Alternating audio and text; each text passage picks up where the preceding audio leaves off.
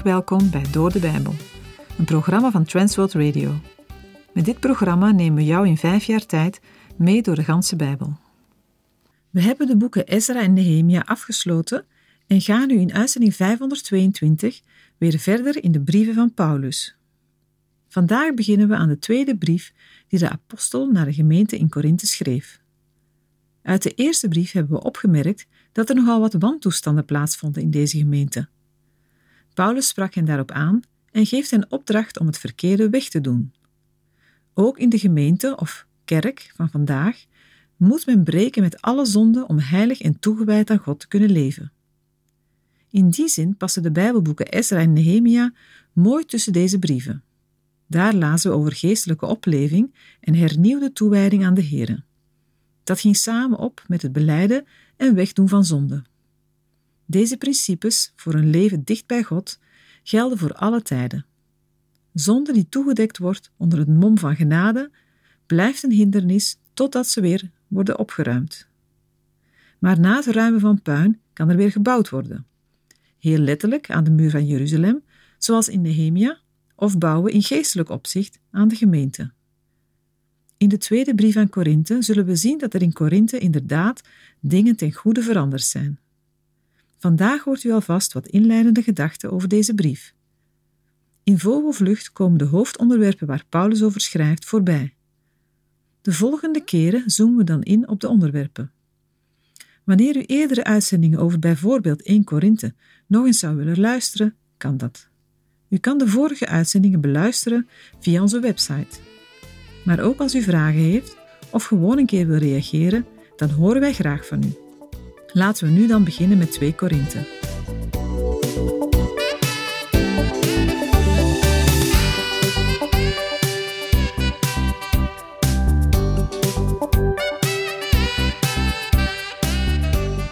Voor we op de teksten gaan, wil ik naar goede gewoonte wat algemeenheden over de brief meedelen. De tweede brief van de apostel Paulus aan de christengemeente in Korinthe is uiteraard verbonden met de eerste. Maar in de eerste brief geeft Paulus als het ware regels voor een harmonische ontwikkeling van de gemeente.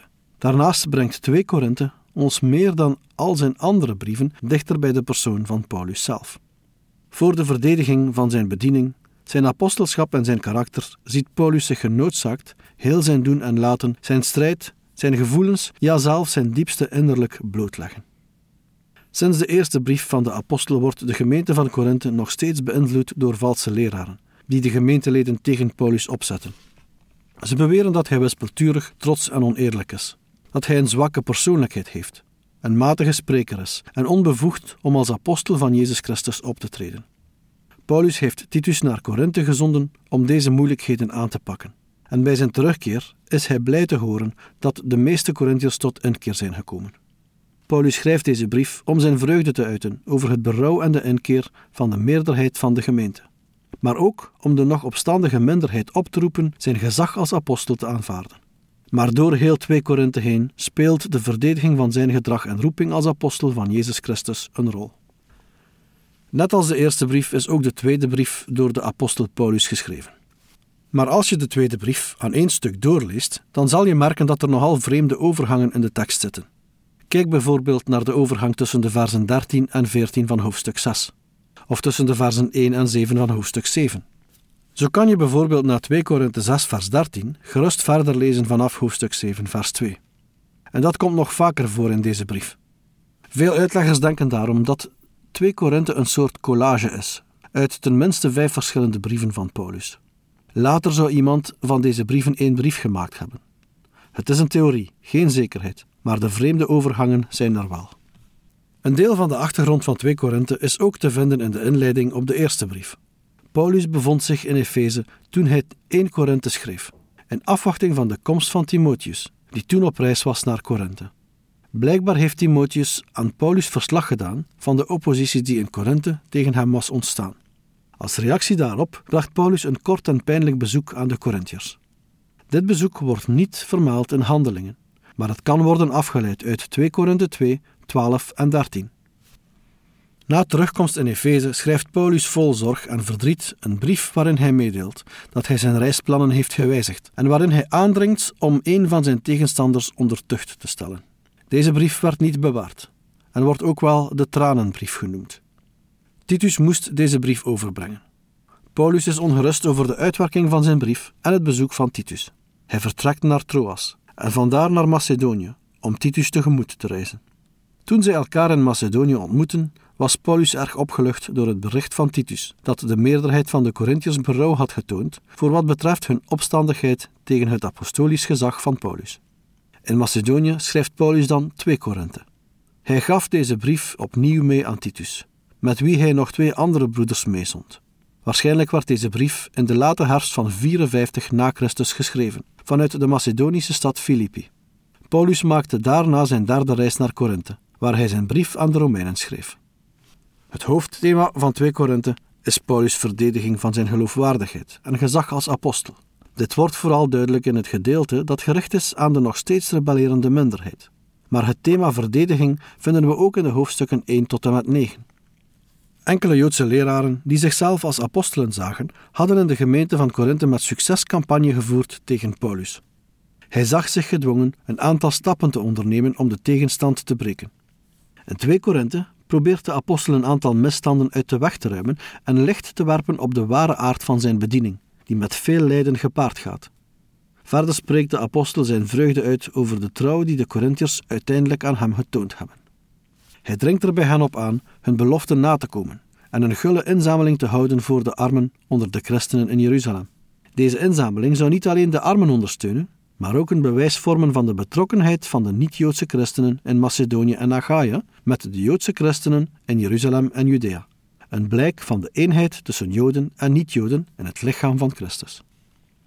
De oppositie waarvan gesproken wordt in 2 Korinthe 10 tot en met 13 wordt gevormd door Joodse leraren.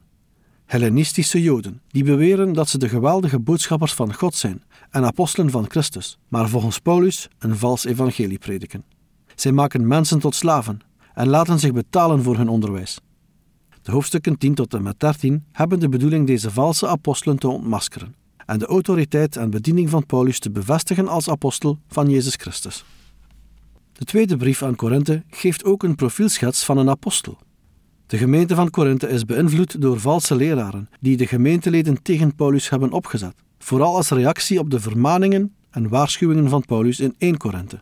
Door de hele brief heen verdedigt Paulus zijn optreden, karakter en roeping als apostel. Dit zijn al de thema's die aan bod komen. Na zijn groet en dankzegging voor Gods vertroosting in vervolging en levensgevaarlijke omstandigheden, legt Paulus in 2 Korinthe 1 vers 12 tot en met 2 vers 4 uit waarom hij zijn geplande bezoek aan Korinthe heeft uitgesteld. Het is geen kwestie van besluitloosheid of niet weten wat hij wil. De apostel wilde hun genoeg tijd geven om orde op zaken te stellen, voordat hij komt. In 2 Korinthe 2 vers 5 tot en met 13 vraagt Paulus hen om de berouwvolle overtreder, die zij onder tucht hadden gesteld, weer in hun midden op te nemen. Dat wil zeggen, te vergeven. Daarna volgt in 2 Korinthe 2 vers 14 tot en met 6 vers 10 een uitgebreide verdediging van Paulus' bediening, waarbij hij ingaat op zijn boodschap, de omstandigheden waaronder hij moet werken, zijn motieven en zijn handelwijze. Daarna vermaant hij de gelovigen zich los te maken van wereldse verbintenissen en afgoederij. In 2 Korinthe 7 vers 2 tot en met 16 schrijft de apostel over het nieuws dat Titus heeft gebracht. De inkeer van de Corinthiërs heeft hem bemoedigd. In 2 Korinthe 8 en 9 vinden we de meest uitgebreide bespreking in het Nieuwe Testament van de principes en de praktijk van het geven.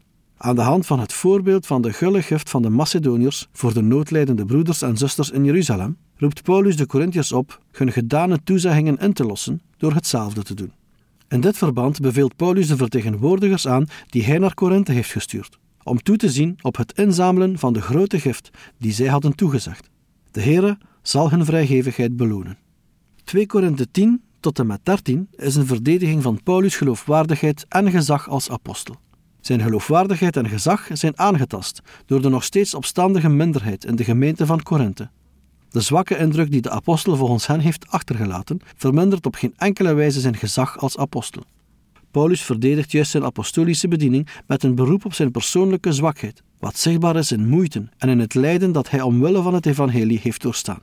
En de kracht van Christus, die juist in deze situaties tot uitdrukking kwam. Dan maakt hij bekend dat hij hen op zeer korte termijn voor de derde keer zal bezoeken, en dringt hij er bij hen op aan dat zij zich van hun zonden zullen bekeren. Zodat hij niet te streng moet optreden als hij komt. De tweede brief aan Korinthe eindigt met vermaningen, groeten en een zegenbede. Laten we nu met de brief zelf beginnen. 2 Korinthe 1, vers 1.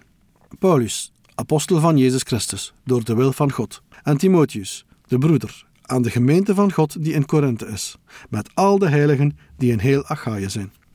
Paulus stelt zichzelf voor als apostel van Jezus Christus door de wil van God. Vooral dat laatste is belangrijk, want in Korinthe stond de erkenning van het apostelschap van Paulus ter discussie. Paulus had zich niet zelf tot apostel uitgeroepen, maar hij was daartoe door God en de Heere Jezus geroepen en aangesteld. De mede-afzender van de brief is Timotheus. Meer over de persoon van Timotheus is te lezen in Handelingen 16, 1 Korinthe 16, 1 Timotheus 1 en 2 Timotheus 2. Timotheus was als medewerker van Paulus ook betrokken bij het schrijven van de brieven aan de Filippenzen, de Colossensen en de beide brieven aan de Thessalonicensen. De tweede brief aan Korinthe is vanuit Macedonië geschreven, vermoedelijk in het najaar van 54 na Christus. Paulus had zich voorgenomen in het voorjaar uit Efeze te vertrekken, door Macedonië te reizen en tenslotte de winter in Korinthe door te brengen. De brief is ook geadresseerd aan alle gelovigen die in heel Achaïe zijn. Vanzelfsprekend werd een brief aan de gemeente van Korinthe ook in de kleinere gemeenten van de provincie voorgelezen. Korinthe was een van de belangrijkste steden in het oude Griekenland, totdat het in 146 voor Christus werd verwoest door de Romeinen. In 44 voor Christus herbouwde Julius Caesar de stad en maakte er een Romeinse kolonie van. Korinthe groeide en bloeide en werd weer de hoofdstad van de provincie Achaïe. Hoewel de officiële taal Latijn was, bleef de voertaal Grieks. Korinthe was strategisch gelegen. Met zijn twee zeehavens was het een belangrijk handelscentrum.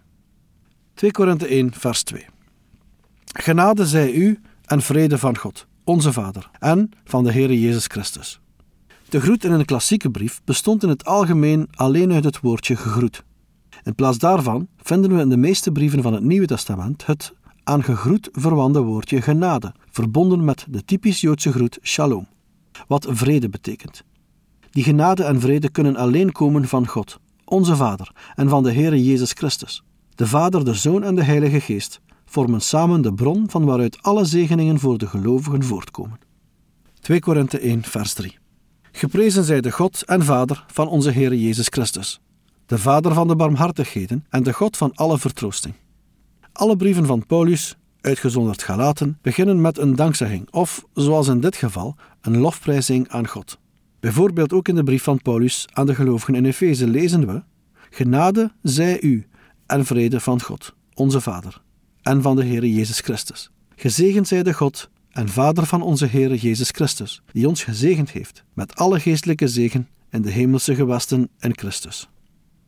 Als deze brieven in de samenkomst van de christelijke gemeente worden voorgelezen, krijgt de lofprijzing, net als in de synagoge, zijn plaats aan het begin van de dienst.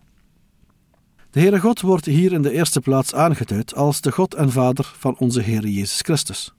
De apostel Paulus gebruikt deze uitdrukking vaker in zijn brieven. De Heere is de God en tegelijkertijd de Vader van de Heere Jezus Christus. Het geeft de innige relatie tussen beiden aan. Vervolgens noemt Paulus God de bron van alle barmhartigheden en van alle vertroosting, of met andere woorden van alle liefdevolle hulp. In vers 4 zal hij dat toelichten met de woorden die ons troosten in al onze verdrukking, zodat wij hen kunnen troosten die in allerlei verdrukking zijn, met de vertroosting waarmee wij zelf door God getroost worden. Paulus is diep onder de indruk van Gods vertroosting. Enerzijds omdat hij onlangs uit levensgevaar is bevrijd, en anderzijds vanwege de bemoedigende berichten van Titus. De uitdrukking de Vader van de barmhartigheden en de God van alle vertroosting betekent meer dan alleen dat de Heer een aantal keren heeft geholpen. Het karakteriseert de Heer als de bron van alle liefdevolle goedheid die Hij mensen en Zijn genade aanbiedt. Laten we nog even blijven stilstaan bij de eer en lof voor God. In Psalm 34, versen 2 tot en met 4, horen we David het volgende zingen. Ik zal de Heere ten allen tijde loven. Zijn lof zal voortdurend in mijn mond zijn. Mijn ziel zal zich beroemen in de Heere. De zachtmoedigen zullen het horen en verblijd zijn. Maak de Heere met mij groot. Laten wij tezamen zijn naam roemen. Lofprijzing verdrijft de donkere schaduwen van het leven. Vaak blijven de omstandigheden nog onveranderd. Maar een blij lied, waarin de Heere wordt geprezen, tilt een mens boven de omstandigheden uit. In Psalm 50, vers 23 zegt de Heere: Wie dank offert, zal mij eren. Wie de rechte weg gaat, zal ik Gods heil doen zien.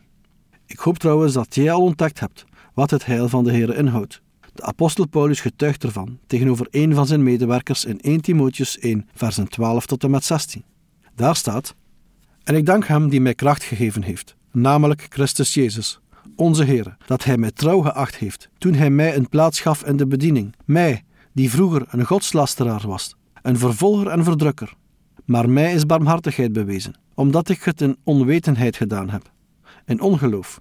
De genade van onze Heer is echter zeer overvloedig geweest, met geloof en liefde, die er is in Christus Jezus. Dit is een betrouwbaar woord en alle aanneming waard, dat Christus Jezus in de wereld gekomen is, om zondaars zalig te maken, van wie ik de voornaamste ben. Maar daarom is mij barmhartigheid bewezen, opdat Jezus Christus in mij, de voornaamste van de zondaars, al zijn geduld zou tonen, tot een voorbeeld voor hen die later in hem zouden geloven tot het eeuwige leven. Voor we deze uitzending afsluiten, nog dit. Als we de drie eerste versen samen bekijken, dan is daar een mooie samenhang. Het begon met genade. Maar wat is nu genade? Het is een onverdiende gunst, wat betekent dat God ons redt op een andere basis dan verdiensten. God heeft ons lief, maar hij redt ons niet door zijn liefde. Hij redt ons door zijn genade. Waarom? Omdat hij ook de God van alle barmhartigheden is. Of zoals Paulus zei, de vader van de barmhartigheden. Barmhartigheid betekent dat God ons zo lief had, dat hij een redder voor ons leverde, omdat hij ons niet op een andere manier kon redden. Alles wat we vandaag hebben, is barmhartigheid van God.